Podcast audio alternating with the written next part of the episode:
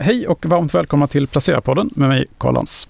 Med mig i studion idag finns ingen mindre än Jonas Edholm som förvaltar fonden Skagen Fokus. Varmt välkommen hit Jonas. Tack ska du ha. Tack, kul att vara här.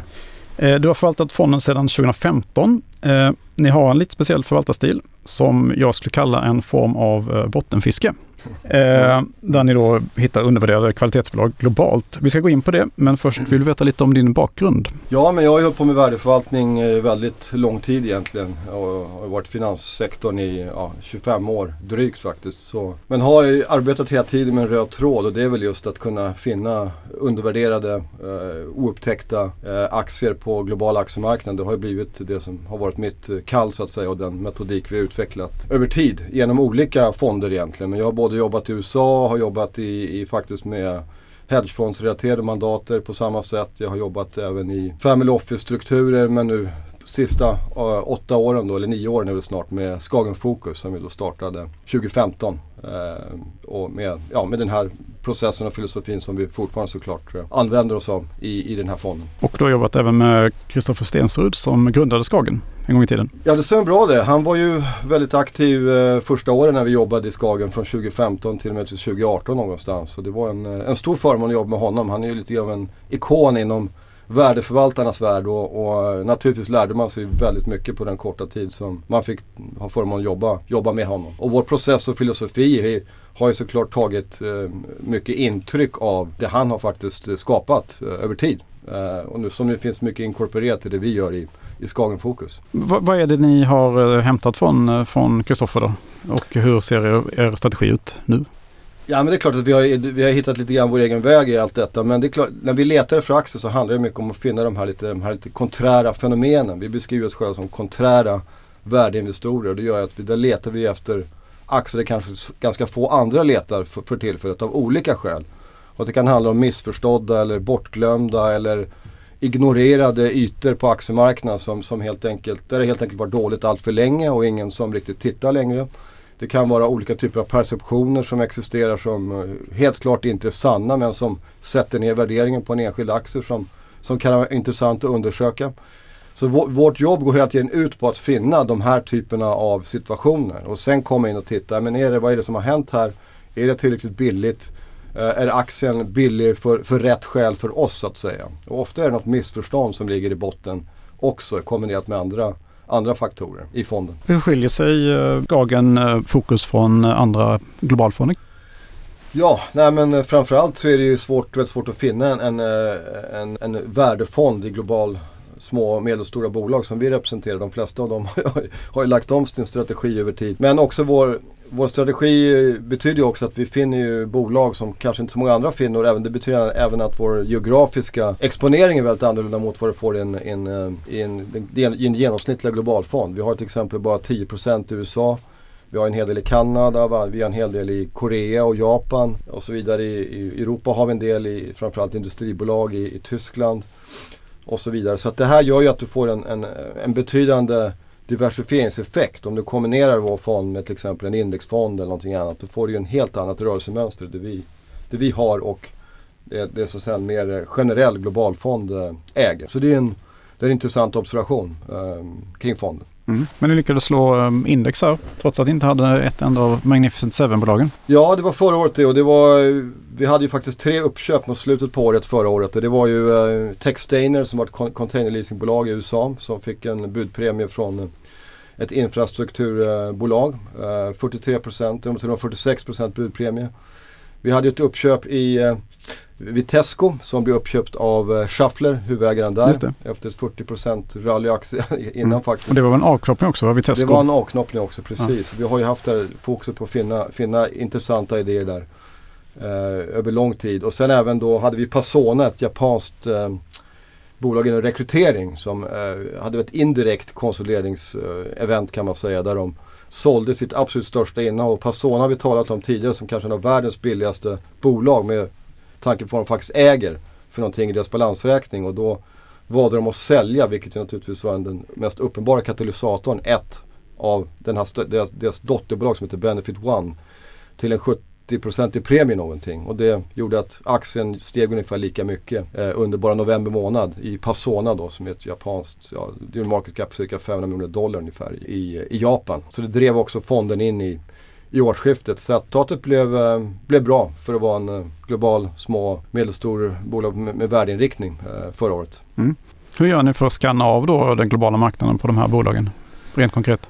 Vi har många olika metoder att hinna idéer och vi har hållit på med det här så pass länge så vi har ju till att börja med en väldigt stor databas vad gäller aktier som vi antingen har tittat på eller till och med har ägt tidigare. Det rör sig om tusentals bolag faktiskt. Sen arbetar vi med olika typer av screener men förmodligen det mest lukrativa sättet att finna nya bolagsidéer för oss det är att använda sådana här så kallade ekosystem. När du tittar på en aktie så tittar du inte bara på den enskilda aktien utan även på konkurrenter, kanske listade holdingbolag, listade leverantörer, eh, listade dotterbolag och så vidare. Och helt plötsligt så, så gör du den här analytikerresan som är så spännande. Du börjar i ett hörn av världen men kan sluta någon helt annanstans. Och det är kanske där någonstans ditt egentliga bästa case finns. Så att det är hela tiden den här så på den här resan hinner du liksom känna av kanske tio bolag eh, om du har lite tur. Och, och, på det sättet så expanderar vi hela tiden vårt, vårt kunnande så att säga. Sen dyker det ofta upp nya idéer och nya företeelser på aktiemarknaden som till exempel spin-off då till exempel. Som alltså avknoppningar som är ett, ett annat sånt där element som vi är väldigt intresserade av. För att här dyker upp ett nytt bolag som ingen har tittat på tidigare. Ofta väldigt lite täckning av analytiker och andra. Risken för missförstånd är väldigt hög eh, och så vidare. Så att i den typen av situationer är vi också eh, väldigt aktiva skulle jag säga och tittar. Det spinnas väl av ungefär 250 bolag per år i globala aktiemarknader totalt sett. När ni hittar då de här undervärderade högtidesbolagen, eh, brukar det vara några speciella sektorer eller branscher som är mer representerade än andra? Eller är det, följer det liksom eh, modet kan man säga på aktiemarknaden eller hur? hur Nej, det här följer bara egentligen prislappen på den aktuella aktien. Så det kan vara i vilken sektor som helst. Jag vill korrigera lite grann med att säga kvalitetsbolag. Det är klart att vi gillar ju alla hög kvalitet.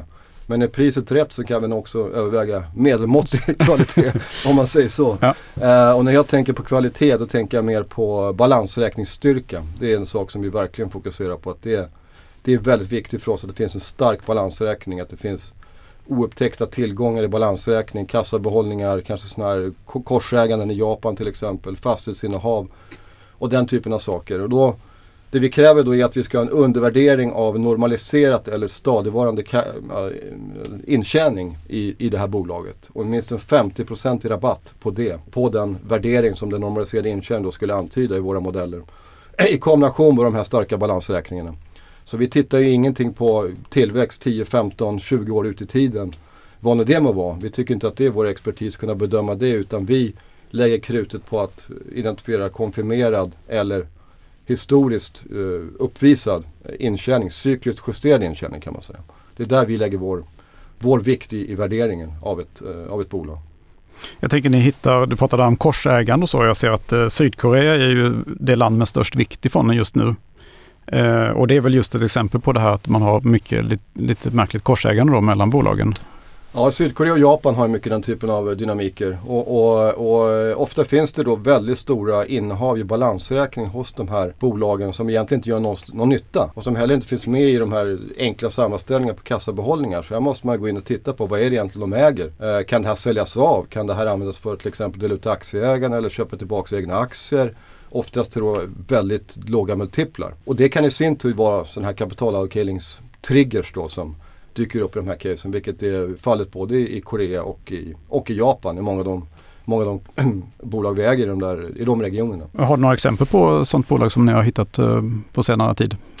Ja, det vi skulle kunna titta på då det är ju framförallt eh, japansk bank har ju varit väldigt uh, framgångsrik i faktiskt och haft ett antal innehav som precis har haft den här dynamiken och det finns ju i Japan cirka 180-tal banker som egentligen borde kanske vara hälften till antalet.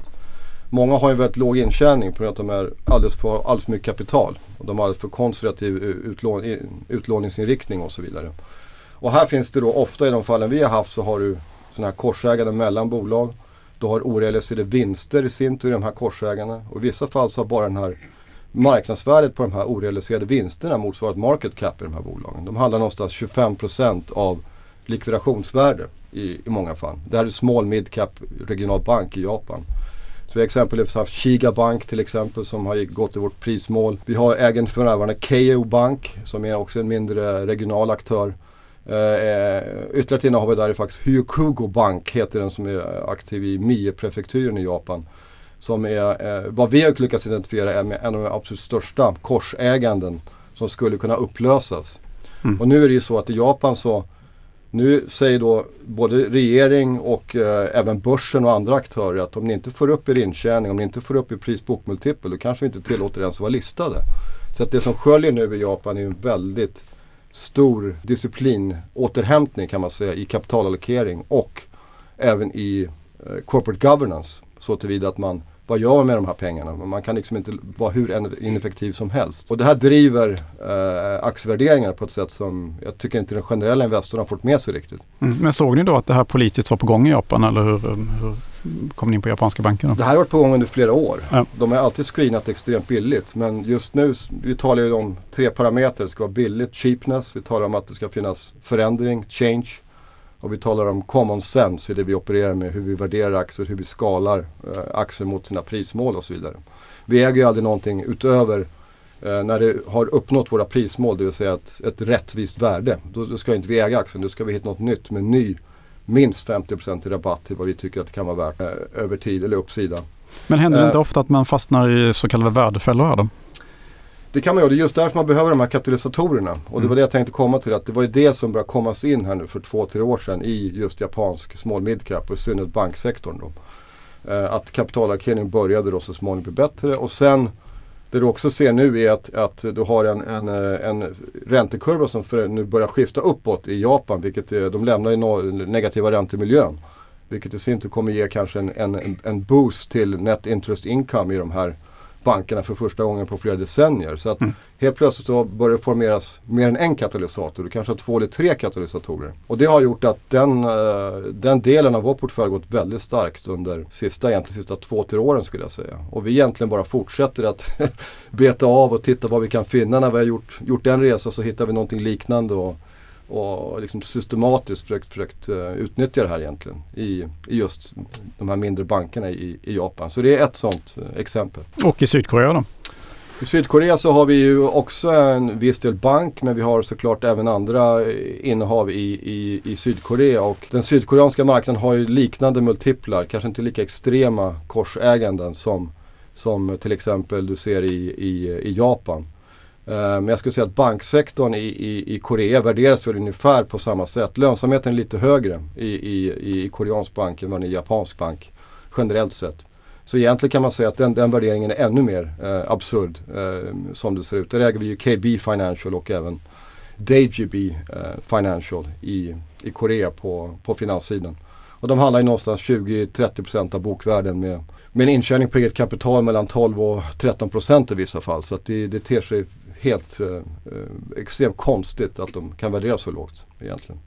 Och eh, Kanada är en, en, stor eh, landsektor också. Men det är inte riktigt att bolagen är inte aktiva i Kanada. Eller hur ska man se det då? Ja, Kanada är ju, eh, vi har en väldigt liten allokering till USA av förklarliga skäl. För att det, det, det, där hittar vi egentligen inte de här undervärderade eh, aktierna på samma sätt som vi hittar i Japan och Korea till exempel. Eller för den delen i, i Kanada. Men det är korrekt att i Kanada så kan du vara listad men ofta har du en operation någon helt annanstans. Du kan ju ha vi äger till exempel Interfor, ett, ett, ett kanadensiskt eh, timmerproducerande bolag som exporterar väldigt mycket in i USA men även till andra länder. Har en ganska liten kanadensisk del egentligen. Men som handlar väldigt långt under vad vi bedömer är en normaliserad eh, marginpotential över tid. Och där har också sådana här tullar då med duties som de har betalat till USA som de skulle kunna få tillbaka en vacker dag. Det är en optionalitet eh, som motsvarar mer än halva market cap i det här bolaget. Plus att de har börjat stark balansräkning. Så det är en, eh, en 2% plus position i fonden i, i Interfor eh, just nu. Sen har du ofta miners, alltså eh, råvarubolag som, mm. som uh, handlar i Kanada som också råkar vara listade. Det är en råvarubörs till stor del. Men i sin tur har tillgång kanske i Latinamerika eller i Afrika eller vad det nu må vara. Och, och, där har vi också sådana exempel i, i, eh, i, i fonden eh, som det ser ut. Vi har över tid varit ganska aktiva även i råvarubolag som, eh, som du kanske har sett också. Hur, hur mycket står råvaror för idag i fonden ungefär? Idag är det inte så mycket som det har varit faktiskt. På grund av att vi har uh, gjort ett antal uh, framgångsrika uh, aktieresor kan man säga i just råvarubolag. Inte minst i Ivanhoe Mine som vi nu faktiskt har sålt alldeles nyligen. Som ju var ett råvaru kopparproducerande bolag som vi köpte 2018 och som sen har gått dubblat flera gånger faktiskt eh, efter det. Eh, och även andra aktier som också har gått i prismål. Så vår vikt för närvarande är lite lägre, 14% någonstans skulle jag säga. 14-15% i mm just den typen av uh, råvaruaktörer. Mm. Så det är betydligt mindre än vad, vad, vi har haft egentligen. Men ska inte kopparn fortsätta gå här då med elektrifieringen av samhället? Ja, det, det finns en problematik tyvärr i att marknaden har ju uppvärderat många av de här innehaven. Så för vår del så ser vi inte riktigt, uh, vi kan liksom inte basera en investeringstes på att, att kopparpris ska gå upp utan vi måste ju se den här rabatten på en normaliserad intjäning. Och då kan man fråga sig vad är ett normaliserat kopparpris?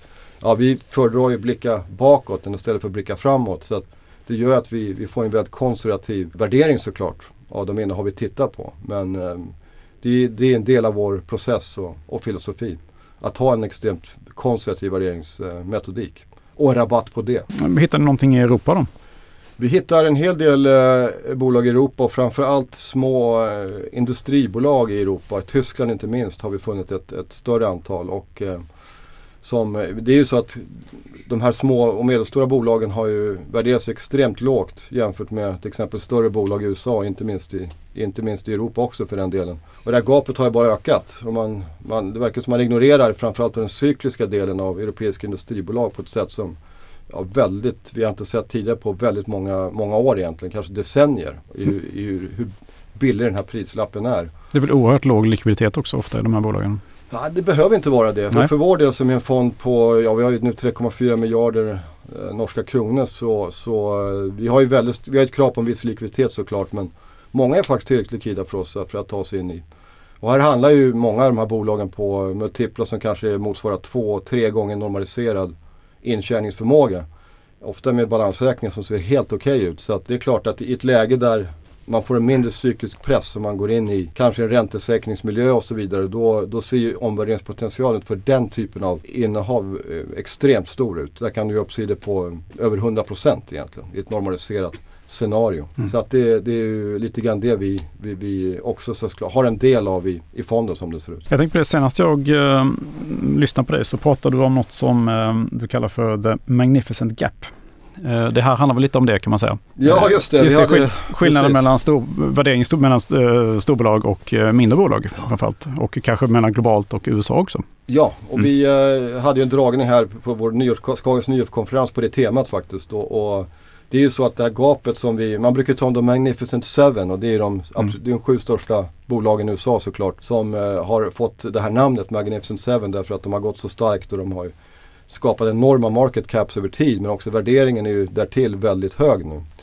Uh, och jämför man då den värderingen i de här Magnificent 7 mot till exempel small mid cap eller mot small mid cap value till och med, där vi ju såklart är mest aktiva, så är ju gapet på någon slags uh, Rekord, eller? rekordnivå om man väljer att titta historiskt. Och då uh, var vi konklusionen, man kanske inte ska prata om Magnificent 7 utan man kanske ska prata om the Magnificent Gap. Alltså att det här gapet som ska stängas och hur man kan skapa en, en väldigt fin eh, överavkastning över tid genom att positionera sig rätt på globala aktiemarknader genom då primärt små och medelstora bolag och kanske i vårt fall då i, i såklart eh, undervärderade ja, värde, värdebolag som inte så många tittar på just nu. vad är det som talar för att det kommer att stängas då? Eh, det finns många faktorer som gör det här. Du har ju två olika faktorer som påverkar de, de jättelika bolagen och de som påverkar de små bolagen såklart. Men det är klart att i de stora bolagen så har ju det finns en gräns för hur snabbt man kan växa när man blir extremt stor. Och det tror jag alla de här bolagen börjar känna mer eller mindre. Och tittar man på multipel faktiskt så har ju den faktiskt eh, så att säga gått ner.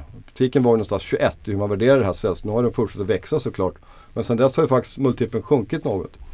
Och, och, många av de här bolagen visar ingen, inte en tillväxt som, som egentligen motsvarar att, att man ska handla 35-40 gånger earnings som, som många mm. av de här gör. Och, det, så det är ju bara en observation. Men den andra observationen är ju att den Går man in i en miljö där det får lite mindre cyklisk press, du går in i en miljö där räntorna faller lite grann, vilket verkar vara i korten. Du kommer kanske få igång ma aktivitet konsolideringspotential. Eh, har pressat kanske att riskpremierna faller på de små bolagen. Då får du en, en, en, en, en, en enorm uppsidespotential i stora delar av det här small mid cap. Framförallt då den kanske mer cykliska cykliska delen. Och där var vi inne mycket på det temat att den här paralyserade eh, alltså ma aktiviteten har ju varit någonting som har pressat. Men nu märker vi att det här börjar, här börjar nu hända saker. Att, inte minst hade vi förra året i vår fond tre uppköp på slutet av året. Och man ser nu att, att, eh, att, att det kommer fler och fler indikationer på att strategiska och industriella intressen faktiskt är intresserade av att köpa upp då de extremt rabatterade småbolagen. Och det i sin tur går ju, sprider ju sig. Så mm. att där får ju en en omvärderingskatalysator i sig när det väl kommer igång. Och det är också delvis såklart ränte, räntestyrt. Och även riskkapitalbolag säkert om räntorna faller här kanske? Absolut. Så det, det, det, är också en sak som uh, skulle tala för att det här gapet skulle det, det kommer saker såklart inte stängas helt om du jämför med de här extrem, extremtalen. Men det kan stängas partiellt om man säger så. Mm. Och det räcker för att få en väldigt god utväxling i, i, i, i sin portfälj jämfört med, med ett eh, index då som är extremt koncentrerat såklart idag in mot de här största bolagen i USA. Jag tror att de motsvarar ungefär 20% av ett världsindex idag. Bara de här sju bolagen. Och är långt större i market cap än alla globala småbolag listade på hela jordklotet som är 6000 aktier. Jag tror att de är 50% större i market cap mm. än alla listade small caps globalt. Så det, bara sådana här saker gör att man drar lite öronen till sig och, och, och mm. är, det, är det verkligen sunt förnuft det här? Det, mm. Kommer det verkligen förbli på det här sättet? Och du ser ju också flöden till, eh, fondflöden också går ju mycket till just indexfonder som investerar i de här eh, bolagen också. Alltså om du kollar ja. flödena från Sverige till exempel just nu. Och... Absolut och även olika typer av ESG-mandat har blivit populära där man liksom av någon anledning tycker att sådana här bolag screenar väldigt bra och att eh, Trots att de har väldigt låg liksom, transitionseffekt över tid på att de de har ingen förbättringspotential i termer av ESG utan när vi tittar på ESG, vi, vi försöker fånga liksom, förändringen i de här variablerna, alltså miljömässiga, sociala och governance-variabler som en aktiedrivare. Och där ser vi att det, det, det, effekten ligger kanske lite i en gamla ekonomi, eh, traditionella industrier. Vi äger till exempel ett cementbolag i Italien som ju kommer bli pionjär vad vi bedömer på så kallad grön cement som och investerat väldigt tungt i sådana här uh, carbon capture facilities och sånt. Har ett nytt recept på, på white cement som de applicerar. Som kommer ha en väldigt fin kurva när det gäller då deras carbon footprint över lång tid. Så där ser du en rejäl effekt, vilket kanske inte gör i, i uh, i, i de andra sällskapen som vi pratar om. Vad heter det här italienska bolaget? Cementir. Okej, okay. och, och, och, hur jobbar de då med grön cement? Så att säga? Nej men de har, ett, de har tagit fram ett visst koncept kring det här som också då är väldigt mycket mer energisnålt än vad ta fram en, en vanlig eh, så att säga, cementaktör driver med. Och, men också investerat väldigt hårt i de här capture facilities, att fånga upp den här typen av eh, utsläpp som görs över tid. Och allt det här pekar på att, och det är ett intressant case för att de är listade i Italien men har faktiskt sin operation primärt i Skandinavien, i Belgien och så vidare. Så att redan där börjar det här missförståndet i och många aktier som är listade i Italien har ju eh, ofta ett discount bara för att de råkar vara listade i Italien. Mm. eh, och så där börjar lite grann. Det ha, handlar som sagt väldigt billigt också. Du, ingenting kommer in i vår fond utan att ha den här rabatten som vi talar om. Och den här är ju då tre, fyra gånger eh, sin egen intjäning någonstans med väldigt stark balansräkning. Mm. Ett familjeägt bolag i grunden som, som, eh, som, som vi tycker ser väldigt, eh, väldigt intressant ut. Och mm, aktien har gått 50% på ett år, ser jag. Ja, den har gått väldigt starkt på ett år faktiskt. Eh, det har den gjort, men fortfarande en ordentlig uppsida kvar. Jag tror att vi har tagit mål i Cemetery på runt 15. Den står väl i 9 nu någonstans va? 9,60. Just det, mm. 9,60 precis. Det är en, en, eh, en, så att vi har en bit kvar. Mycket uppsida i den. Mm. Eh, har ni några mer sådana här uppenbara ESG-case så att säga? Det där är ju transformering kan man säga lite grann. Att, uh, det är transformeringscase. Det är inte det som är kanske den primära drivaren men kan vi kombinera det med våra värderings, eh, vårt värderingscase och, och, andra katalysatorer så är det klart att det, det är ett stort, stort plus. Um, vi har även ett bolag som heter Cascade som är en eh, containerproducent, containerboardproducent i Kanada som eh, sannolikt kommer att spinna av sin tissue-del vilket vi pushar för att det ska ske över tid. Då kommer det kommer bli en renodlad aktör på den här marknaden. Då är det en komplett cirkulär operation där de tar gammal använd kartong egentligen, box och sen gör ny containerboard av det här. Så det är komplett cirkulärt. Det är ju en ESG-dröm ESG på det sättet.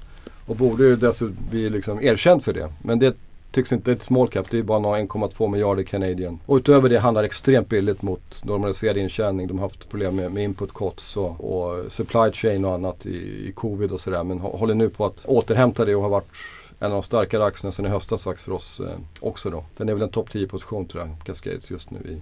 På vilket sätt har Iveco bidragit då?